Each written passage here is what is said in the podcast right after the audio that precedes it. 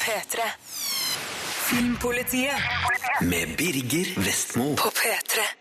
A Million Ways to Die in the West er en flau og feilkalkulert westernkomedie.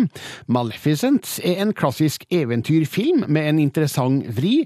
Heart of Lightness, Søvnløs i Lofoten, er en morsom metafilm med ibsenske kvaliteter.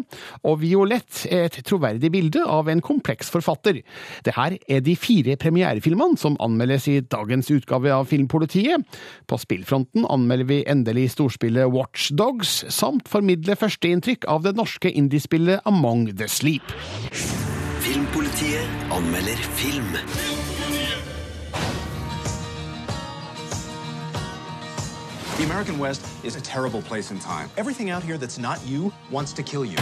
Det fins bare én god westernkomedie, nemlig Blazing Saddles fra 1974. Det var kanskje det her Seth MacFarlane ville endre på, men A Million Ways to Die in the West er dessverre litt for flau og feilkalkulert. Han tror at det holder å bøtte på med bæsj og promp-humor, men det virker pinlig gammeldags og signaliserer idétørke under manusarbeidet. Det fins absolutt genuint morsomme øyeblikk, men de bleikner mot alle de dumme sekvensene som tvinger meg til å himle oppgitt med øynene. Historien er lagt til 1882.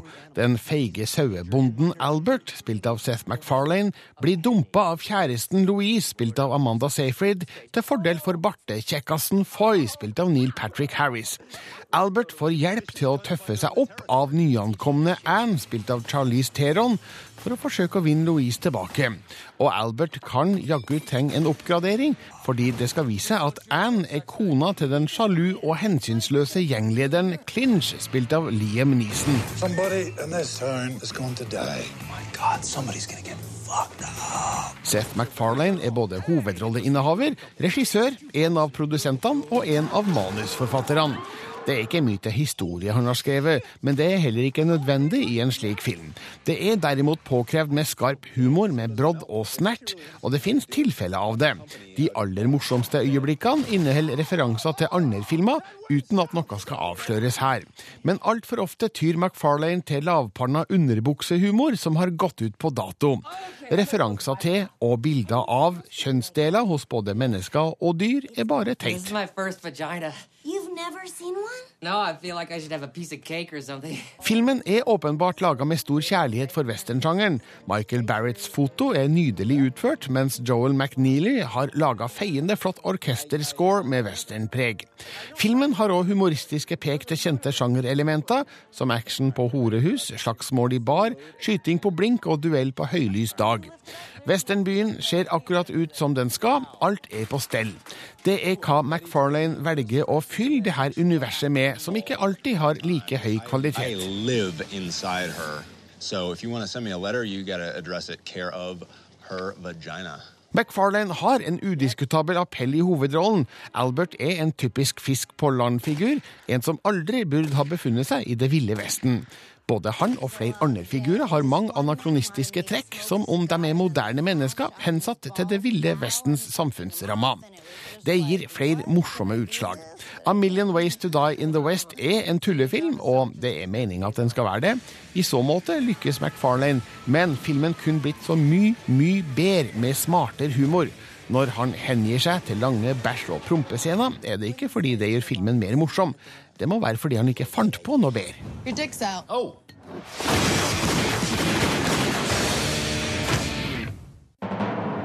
Terningkast tre. Filmpolitiet anmelder spill. Med spillet Watch Dogs skal Ubisoft nå ta opp kampen mot Rockstars GTA-serie. Spillet skulle egentlig komme da Sony lanserte PlayStation 4 i november, men ble utsatt, og kom altså ut først på tirsdag denne uka. Marte Hedenstad har boltra seg som hacker i storbyen Chicago i Watch Dogs, og her er hennes dom. I saw something no one was meant to see. They took someone very precious to me. Now, I'm coming for them. Ekstremt høye forventninger har vært knytta til Ubisofts storspill Watchdogs, og etter lange utsettelser er nå spillet endelig i butikkhyllene. Og spillet står nesten til forventningene, men den mye omtalte flerspillerdelen er dessverre Watchdogs svakeste ledd. Likevel har du en strålende spillopplevelse i vente, for Chicagos store asfaltjungel kombinert med dine hackeferdigheter er lik gull. I'm looking at the network as we speak. I'm hacking. Du spiller Aiden Pierce, en talentfull hacker med en trøblete fortid. Da Aiden stjal penger fra de feil folka, måtte nemlig familien hans betale, og niesen hans ble drept. Full av skyldfølelse pga. niesens død leter Aiden nå etter de skyldige. Han ønsker rettferdighet og ikke minst hevn. You're gonna come with me to Chicago. Den fiktive versjonen av storbyen Chicago er den viktigste rollefiguren i Watchdogs. Spillutvikler Ubisoft Montreal har klart å skape en by som lever. Chicagos infrastruktur er kobla opp mot nettverket CTOS, som kontrollerer og overvåker alt. Og med mobilen som våpen kan også du ta kontroll. Hevebroer, vannledninger, trafikklys og overvåkningskameraer er bare noe av det som kan manipuleres. I hope you have an invitation or you're dead. I'm the driver. Historien i Watchdogs er engasjerende, og oppdragene som følger med, likeså. Men du trenger ikke å følge handlingen for å ha det gøy i byen. Spillkartet er stappfullt av sideoppdrag og småspill. Med mobilen kobla opp mot CTOS kan du også skanne alle menneskene du møter på gata. Hva heter de? Hvor gamle er de? Hvor mye penger tjener de, og hva slags musikk hører de på? Dette, samt små artige fakta om personen, dukker opp når du skanner de som går forbi. På denne måten kan du også oppdage kriminelle som er i ferd med å utføre en forbrytelse. Enten det er en ung gutt som får lommeboka si frastjålet, et gjengmedlem som skal henrettes, eller en kvinne som blir overfalt. Om du velger å gripe inn eller å gå forbi, er opp til deg. Watchdogs har en sømløs flerspiller der andre spillere kan hoppe inn i ditt spill for å hacke mobilen din for informasjon. Når du blir hacka av en annen spiller, så må du raskt skanne ansiktene til figurene i området rundt deg, finne hackeren og eliminere spilleren.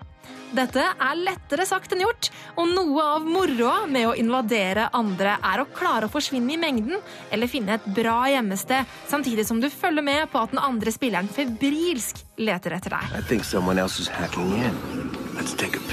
Da jeg fikk en sniktitt på dette under spillmessa Gamescom i fjor, lot jeg meg imponere. Og nå som jeg har testa det skikkelig, kan jeg konstatere at dette er et veldig underholdende element i spillet, men det er ikke like overveldende som jeg først opplevde det som. Og når resten av flerspilleren i Watchdogs består av aktiviteter som rett og slett er litt kjedelige, faller det hele noe sammen. På tross av at flerspilleren ikke levde helt opp til mine skyhøye forventninger, må jeg konstatere at Watchdogs er et fabelaktig spill. Ved å kombinere gleden ved å utforske og herje i byen med hacking, har Ubisoft laget et spill som byr på timevis med lek og underholdning. Og med en spennende historie og interessante rollefigurer i bunn, er det derfor ingen tvil om at Ubisoft har skutt gullfuglen med Watchdogs. Og etter en lang utsettelse er det nå ingen tvil om at spillet så absolutt var verdt ventetida. Terningkast fem. Flerspillerdelen i Watch Dogs levde altså ikke helt opp til forventningene, men Marte Hedenstad var likevel fornøyd med storspillet. Hvis du vil lese en litt mer utfyllende anmeldelse av Watch Dogs, klikker du deg inn på våre nettsider. Filmpolitiets Rune Haakonsen har møtt spillregissør Jonathan Moret, som forklarer om alle gråsonene som spillerne må forholde seg til i Watch Dogs, inkludert hovedfiguren sjøl, Aiden Pearce. It's a very gray kind of story, right? By that I mean we're avoiding the 1980s good and bad type of cliches. Uh, we really want to have a character that people will slowly understand, like from one layer to the next. And side characters are also very sophisticated. And the same way, even the reputation system in the game is not the game rating you, it's more media talking about you, which have a, a certain deformation sometimes. Based, you might feel sometimes that what the news say of you is not exactly accurate, and it and it's kind of cool because that's you know that's part of perception and, and what the thematics of the games are. if we can talk a little bit about the game world, it's huge. It has a lot of people, and they're all individuals Yeah. in a way. Uh, how did you go about to to use this world to to create this vigilante story? If you can just start from the very beginning on that part. there's uh, uh, the, the world has a big role to play because uh, there's kind of a duality going on in the game. There's Aiden Pierce's story, which is a, a vigilante story, like in the sense that he needs to solve his problem by himself, type of thing. Uh, but then he uses his obsession and his know-how to, to solve that, which explodes into you know monitoring and controlling everybody uh, around you. And this is where the player comes in. Now, the player through those tools feel similar temptation, and the world become that temptation. It's like, oh my God, who's that guy? Oh, I can act his phone conversation. Oh, something is going on up there. Let's go and check it out. And then they get sucked into, uh, almost like get um, confused into the drama of everybody else. It's almost like the very uh, typical uh, tragedy of a vigilante, right? Which is like uh, confusing your own drama with the drama of everybody else which I think is a nice way to use the world that way. And with the profiler and with the fact that they all have personalities, it's almost like we're, we're helping players to slowly express and even experience how much um, they are addicted to information. How much curiosity is a lot more fundamental to human beings than what people might think. Du hørte Jonathan Moret, som altså er regissør av storspillet Watchdogs. Dersom du ennå ikke har fått med deg Marte Hedenstads anmeldelse, kan du lese den på p3.no filmpolitiet. Filmpolitiet anmelder film. Anchorman The Legend Continues er aktuell på Blu-ray og DVD samt strømmetjenester, og det må selvfølgelig markeres med anmeldelsen fra kinopremieren. We've got a job in New York City. Hey, Ron, who's driving? It's okay. It's on cruise control. Det er hardt å se en film som Anchorman The Legend Continues i en kinosal med tre-fire andre filmanmeldere, hvorav samtlige, inkludert meg sjøl, forgjeves forsøker å undertrykke latteren fordi ingen tør le høyt. Det her er nemlig en film som trenger kollektiv latter. Handlinga har sine ujevnheter, og filmen føles ca. 20 minutter for lang, men Will Ferrell og co. tar amerikansk TV-journalistikk på kornet, og lattertoppene i de mest hysteriske situasjonene er himmelhøye. Toeren bryr seg ikke nevneverdig om hvordan figurenes videre liv ble antyda i slutten av eneren hvilket ingen bryr seg om. Året er nå 1979. Ron Burgundy, spilt av Will Ferrell, blir sparka fra en lokal TV-stasjon i New York, men blir tilbudt jobb i den nye 24-timers nyhetskanalen GNN. Han må finne sin gamle redaksjon, bestående av Brian Fantana, spilt av Paul Rudd, Champ Kind, spilt av David Cochner, og Brick Tamlin, spilt av Steve Carell, for å ta opp den interne kampen mot GNNs superstjerne Jack Lime, spilt av James Marston. Why do we have to tell the people what they need to hear? Why can't the news? Mens den første Anchorman-filmen etablerte persongalleriet og parodierte nyhetsankeras utseende og fremføring av nyheter, setter toeren søkelyset på dreininga mot nyheter som underholdning. Hvorfor må vi fortelle folk det de må høre? Hvorfor ikke fortelle dem det de vil høre, spør Ron Burgundy. Hans fikse ideer om hva de skal servere GNN-publikummet på det traurige nattskiftet, fører til noen hysteriske dialoger og situasjoner som blir dobbelt så morsomme når man innser at denne håpløse nyhetsdekninga faktisk er rådende strategi i Fox News-æraens USA. While some experts say silicone breast implants are dangerous, I Ikke alt er like morsomt. Noen sekvenser dras ut for langt, som Brick Tamlands famlende kjærlighetsoppvåkning og Ron Burgundys midlertidige tilbakeslag som blind. Og det kulminerende storslaget mellom rivaliserende nyhetsredaksjoner er morsommere i oppbygginga enn gjennomføringa. Anchorman The Legend Continues er nesten like morsom som forgjengeren. Pharrell, Rudd, Cochner og Carell har et godt grep rundt sine merkverdige figurer, samtidig som regissør Adam Mackay fyller opp rundt dem med andre morsomme, og noen ikke fullt så morsomme bifigurer. Hadde filmen vært klippa ned fra 1 time og 59 minutter til ca. 1 time og 40, tror jeg humoren hadde holdt jevnere nivå. Men når Anchorman nummer to er på sitt morsomste, er den fryktelig morsom. Denne filmen bør du se i en stappfull og gapskrattende kinosal. I've had four of my seven illegitimate children using this condom. But Brian, isn't that the whole point of wearing a condom? To not impregnate the woman? Well, you know the old expression. Nope. Terningkast fire. Filmpolitiet anmelder film.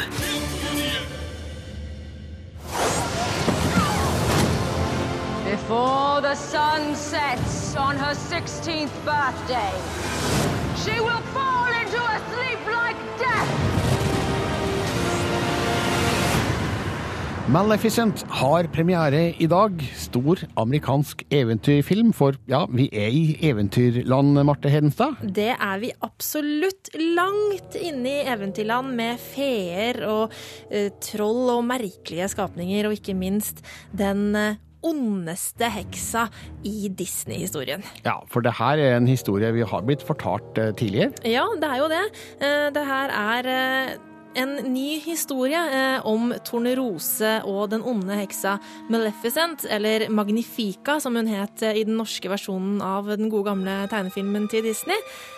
Men så innledes filmen med at nå skal du få høre en historie som du har blitt fortalt før, men alt var ikke slik du eh, har hørt tidligere. Ja. Eh, Så vi skal få et lite innblikk, eller vi får et lite innblikk i filmen eh, i hvordan Maleficent eh, ble den onde heksa som hun endte opp som, eh, og at hun kanskje faktisk ikke var så ond som vi først hadde trodd. Ja, hva syns du om denne vrien på et kjent eventyr? Eh, Jeg var i utgangspunktet egentlig ganske skeptisk eh, til det, men eh, det, før filmen kom ut, så fikk jeg se en scene som eh, er en veldig kjent scene fra den gamle Tornerose-filmen, nemlig når Maleficent kommer inn under dåpen til Aurora, eh, prinsesse Aurora, for å eh, forbanne henne med denne forhekselsen som at hun skal stikke seg på en tenn og dø. Mm.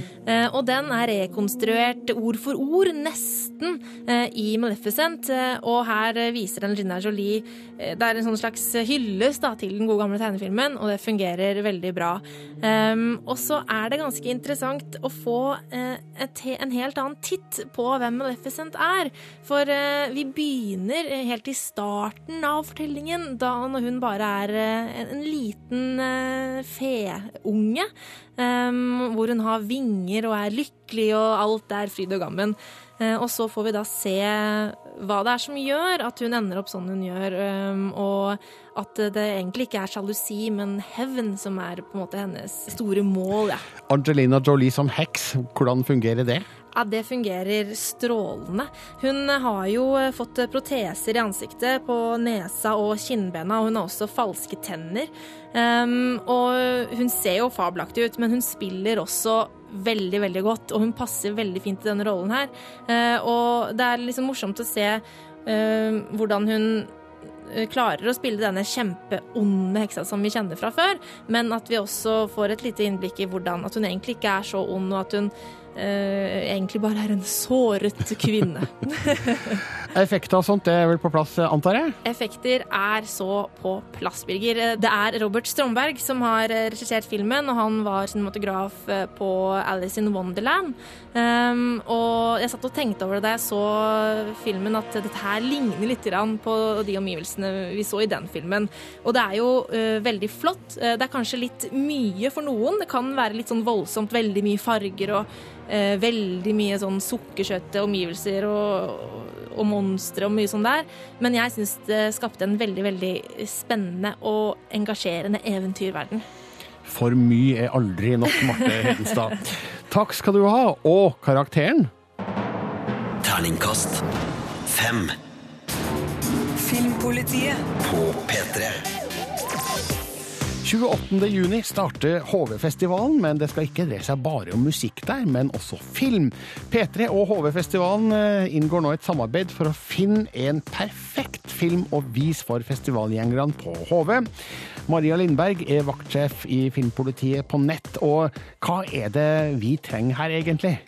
Det vi trenger her, er en film som kan passe når man har eh, vært ute på festival og skrekket og dansa og blitt solbrent og bare vil komme seg inn og slappe av litt i mørket. Så det kan være Ja, Mm. for HV-festivalen har allerede flere filmer på plakaten. Ja, De eh, blant annet skal vise Almost Famous. eh, skal De vise. De skal vise en skrekkfilm som heter Cabin in the Woods, blant annet. Og så skal de vise Hedwig and the Angry Inch. Så du kan, du kan egentlig foreslå hvilken som helst film, men det passer kanskje bra med en eh, komedie eller noe, et eller annet lettbeint og underholdende. Ja, altså, er det ikke nærliggende å tenke litt musikk her? Og det er det jo òg. Ja. Absolutt. Eh, musikkdokumentarer.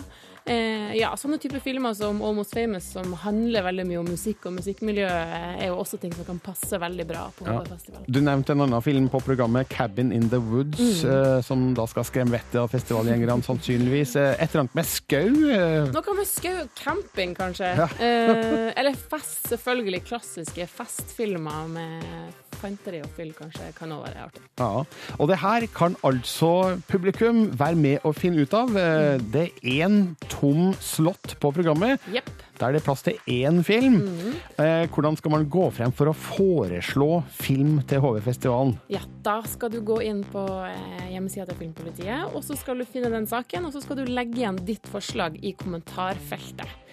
Og Ditt det- forslag til film og en liten begrunnelse.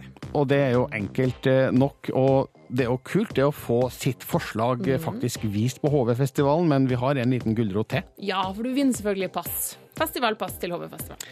Som en del mennesker sannsynligvis vil være interessert i. Antageligvis. Så gå på p3.no slash filmpolitiet. Finn saken om eh, HV-festivalen og film, og legg igjen ditt forslag med begrunnelse i eh, kommentarfeltet. Takk skal du ha, Maria Lindberg. HV-festivalen starter altså 28. juni. Filmpolitiet anmelder film.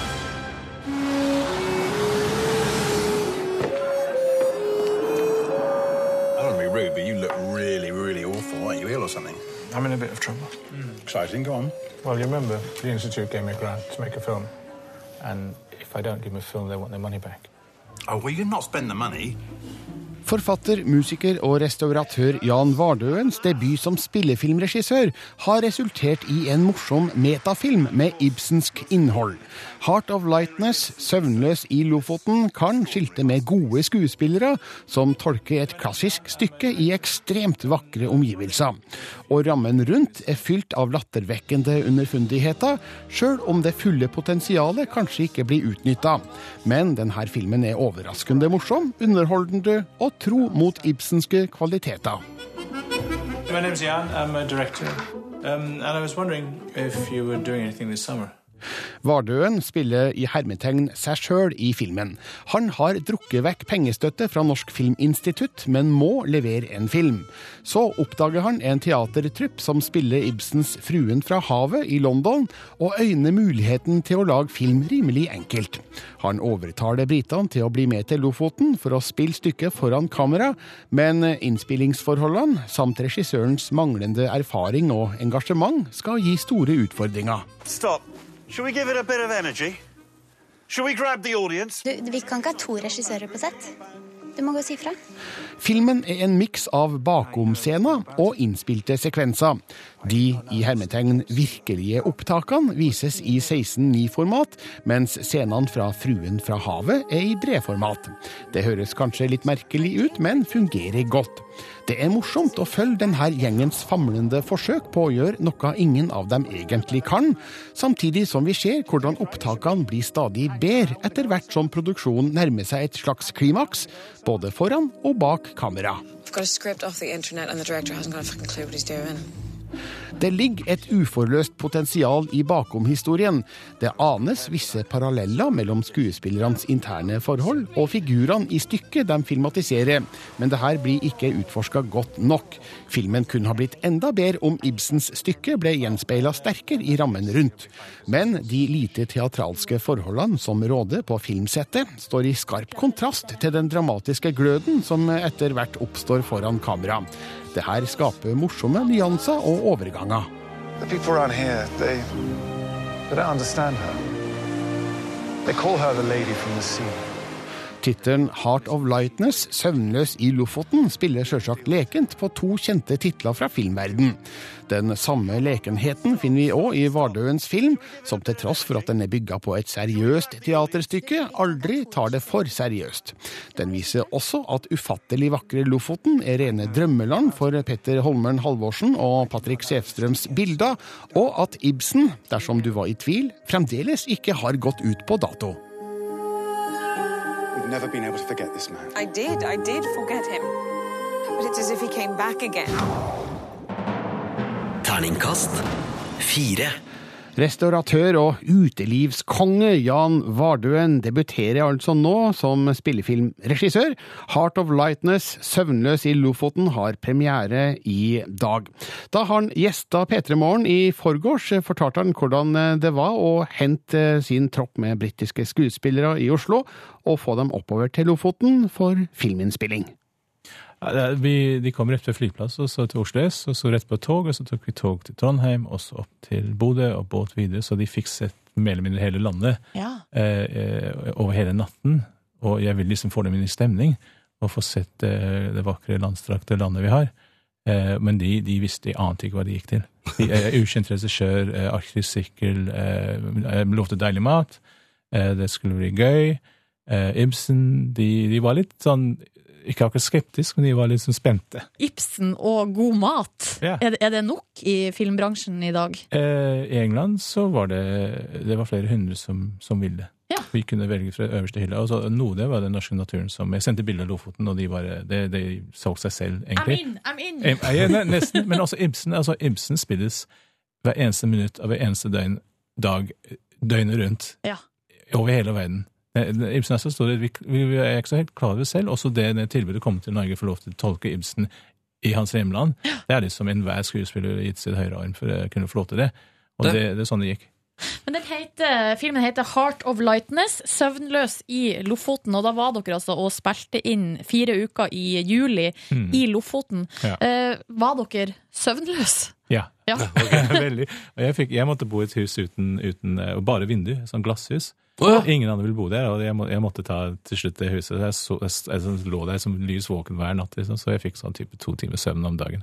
Men man får så utrolig mye energi og sånn også. Og så våkne hver morgen og tenkte jeg må styre og fikse og ordne, sånn, så, man, så snart man er våken, så er man så veldig våken. Mm. Så det var, eh, nei, det var helt fantastisk. For du lovde god mat, så da mekka du, fortalte du mekka sånn voldsom frokost til Ja. skuespillerne hver dag. Ja. I etterdaget der. Ja, for vi begynte klokken ett med frokost, og så begynte vi å jobbe klokken fem-seks om kvelden, og så filmet, filmet vi utover kvelden. Og så midnatt så hadde vi en treretters middag med vin og uh, avec og bare koste oss, og så la vi oss kanskje Det er så deilig! Ja, Men det- ble det, litt sånn, for det- ble det litt sånn at på en måte filmens i handling og vi, altså at virkelighet og fantasi på en måte glei litt sånn i Ja, hverandre? Det er nettopp det som skjedde. Ja. så filmen handler om de skuespillerne og deres reise og deres sånn, forsøk til å, for å lage en god film. Så skal vi liksom finne ut om de klarer det. Ja, spennende. Det sa Jan Vardøen da han gjesta P3 Morgen, eh, Ronny og Silje, i forgårs. Nå har filmen hans premiere, og jeg anmelder Heart of Lightness, Søvnløs i Lofoten, på p3.no filmpolitiet. Filmpolitiet anmelder film. La laideur chez une femme est un péché mortel. Vous êtes belle, vous êtes celle qu'on regarde dans la rue pour sa beauté. Vous êtes laide, vous êtes celle qu'on regarde dans la rue pour sa laideur. Et avgjørende forfatterskap skildres med bravur i den franske filmen Violette. Skuespiller Emmanuel Devaux maner frem et ekte menneske av kjøtt og blod med frykt og lidenskap, og gir oss et troverdig bilde av den komplekse personen bak viktige bøker. Filmen holder en eh, litt kjølig distanse til sine subjekter, men er vakkert filma med gjennomarbeida tidskoloritt, klart definerte figurer som blir alt annet enn anonyme, og en følelse av at mye står på spill. Il faudra aller encore plus loin. Tout dire. Vos trafics, vos amours et surtout l'avortement. Vi møter Violette Leduc, spilt av Emmanuel Devaux, like etter andre verdenskrig, idet hun oppdager sitt skrivetalent. Hun gir et manus til feministforfatteren Simone de Beauvoir, spilt av Sandrine Kiberlin, som hun beundrer, og får hjelp til å utgi sin første bok. Men suksessen uteblir. Det samme gjør kjærligheten, som kompliseres ved at bifile Violette er forelska i de Beauvoir, som ikke gjengjelder følelsene. Si vous n'avez pas aimé la famille, ayez au moins le courage de me le dire en face. Ah, Violette. Filmen gir et innblikk i et forfatterskap på kant med datidas samfunnsnormer. Violett skriver intenst ærlig om sin egen og andre kvinners seksualitet som ingen har gjort før. Vi får en klar følelse av at Violett ikke skriver for å provosere, hun serverer sine dypt personlige tanker og opplevelser fordi hun ikke har noe valg. Hun skriver fordi hun må. Historien gir nok bakgrunnsinformasjon gjennom dialogen og andre små antydninger til at vi forstår hvordan Violette har kommet dit hun er, som ikke er særlig langt, og hvorfor hun mangler sjøltilliten til å komme videre. Dites-le, qu'est-ce que vous croyez Il a, a pour Julien Green ici Emmanuel Devaux spiller særdeles godt i hovedrollen. Hun formidler figurens sterke og svake sider, som ofte kjemper mot hverandre, og tyr aldri til lettvintheter for å få frem figurens indre kamp. Hun møtes i så måte av Sandrine Kiberlin i rollen som de Beauvoir, som fremstår som den rake motsetninga. Mens Violette er et umiddelbart følelsesmenneske, kan lynende intelligente de Beauvoir virke kjølig og distansert. Begge takler rollene på en utmerket måte, som skaper en interessant dynamikk mellom de to figurene. Avec poésie, vérité et plus encore. Un jour, on vous remerciera pour ça. Violette forsøker ikke å dekke over tittelfigurens svakheter og utfordringer, men bruker hennes problemer til å forklare de personlige forholdene som førte til hennes mest kjente bøker, spesielt La Batard fra 1964.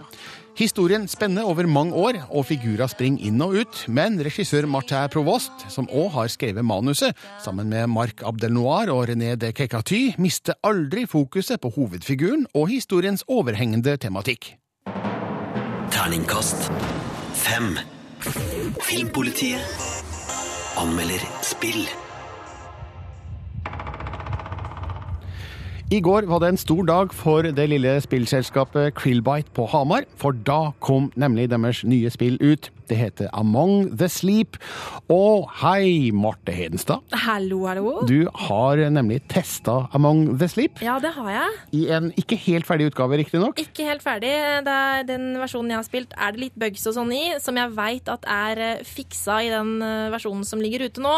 Så med forbehold om det, så skal jeg komme tilbake med en fullverdig anmeldelse i løpet av helga, men eh, må, må ta litt forbehold eh, her nå. Ja, Men dine første inntrykk av Ja. Among the Sleep er vi veldig interessert i nå. Ja.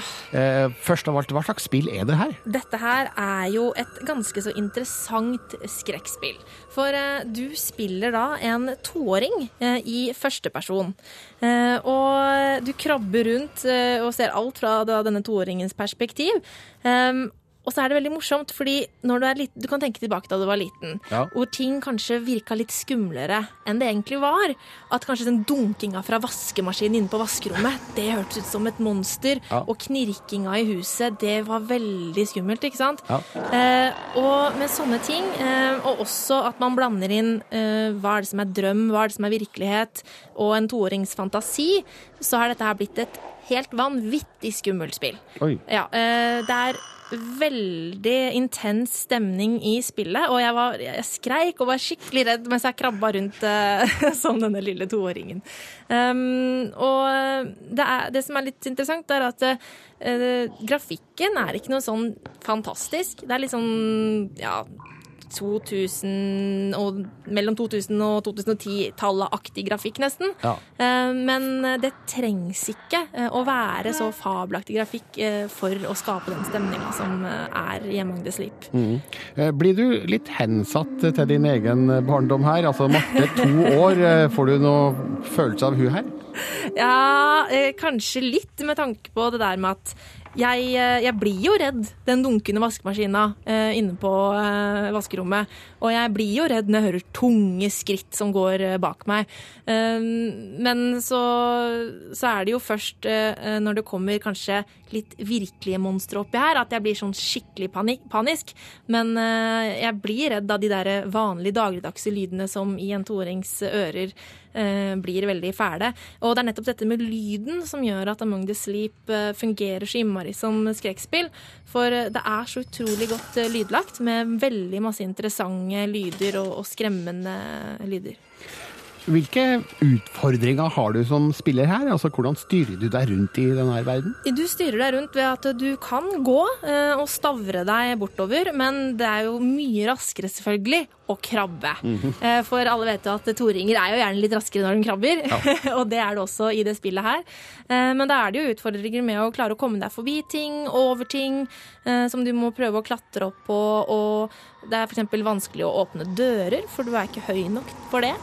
Um, og så er det veldig mørkt rundt deg, men da har du heldigvis med deg den lille bamsen din Ted, som du kan gi en god klem, og da lyser den opp rundt deg, så blir det ikke fullt så skummelt. Men man må kanskje være en eh, litt i overkant smart toåring da, for Ja, å mestre spillet? Ja, det, det må man nok.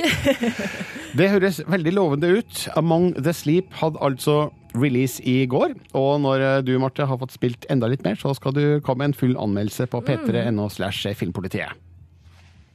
Ja, det skal jeg. ja, det skal jeg. jeg var litt usikker på det. Dette er Filmpolitiet. Filmpolitiet på P3. 12 Years a Slave vant kanskje ikke flest Oscar-priser i år, men den fikk den aller viktigste, nemlig Best Motion Picture of the Year. Denne uka kom den ut på Blu-ray og DVD. Her er anmeldelsen jeg begikk da filmen hadde kinopremiere. Well, boy, how you feel now?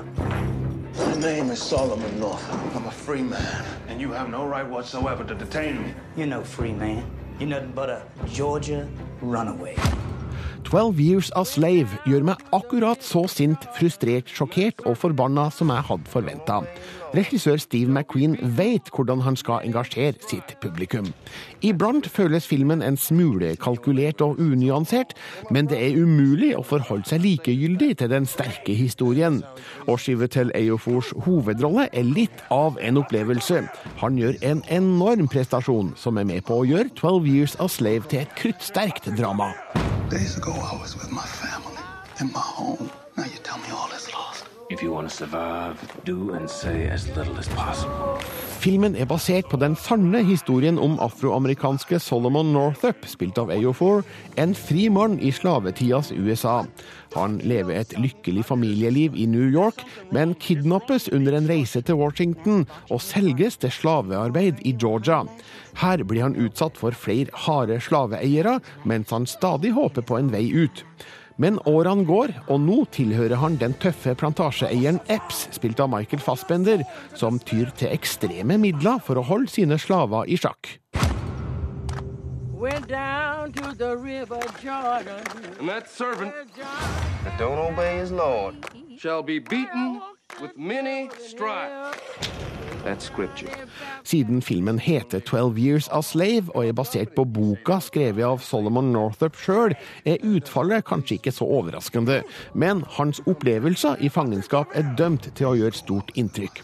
Menneskesynet vi blir vitne til, er hinsides vanvittig. Det gjør spesielt vondt å være vitne til skjebnen til Patsy, hjerteskjærende godt spilt av Lupita Nyong'o. Samtidig syns jeg at historien er i overkant sort-hvit. All hvite er med få unntak sleipe, kalde og brutale psykopater som snøvler frem sine fornærmelser. All svarte er med få unntak edle, noble og verdige individer som snakker med et nærmest shakespearsk ordforråd. Jeg får inntrykk av at McQueen og manusforfatter John Ridley har skrudd til litt ekstra for å tydeliggjøre frontene, noe som strengt tatt kanskje var unødvendig. Men det virker. Fassbenders figur blir et svært effektivt hatobjekt i denne filmen. Master, Master, come here! I brought her Skal jeg sette fingeren på noe mer, må det være at filmens tidsoppfatning er en smule forvirrende. Ifølge tittelen tilbringer Solomon Northup tolv år i fangenskap, men det virker av en eller annen grunn så mye kortere. Historien er sjølsagt konsentrert rundt de mest dramatiske begivenhetene. Slik måtte det kanskje bli når tolv år skulle bli til to timer. 12 Years a Slave har òg mange av de samme velkjente elementene i seg som andre slavefilmer satt til USAs sørstater på 1800-tallet, som 'Jungo Unchained, Purpurfargen og Røtter. Men den er uhyre sterk, og Chivetel Ejofors hovedrolle er verdt inngangsbilletten alene. The condition of your laborers, it's all wrong. They're my property. You say that with pride. I say it as fact. Man does how he pleases with his property. 'Twelve Years a Slave' kun har blitt fortalt som storslått drama med hjerte og smerte, men siden regissøren er Steve McQueen, mannen bak 'Hunger' og 'Shame', blir det ikke slik. Sammen med fotografen Sean Bobbitt går han ubehagelig tett innpå figurer og situasjoner. Torturen av slaver viser med all tydelighet hva en pisk kan utrette. Den stadige undertrykkelsen lyser i ansiktene til resignerte slaver. Sjøl skovlene på en hjuldamper blir et forstyrrende og urovekkende element for øynene mine. Historien er et virkelig mareritt, og er virkningsfullt billedlagt deretter. I will survive. I will not fall into despair. I will keep myself hardy till freedom is opportune. Terningkast fem. Og du fikk et gjenhør med filmanmeldelsen fra januar, fordi 12 Years a Slave nå er utgitt på Blu-ray og DVD. Vel verdt en kikk eller to. Dette er Filmpolitiet på P3. P3. Hør flere podkaster på nrk.no podkast. P3.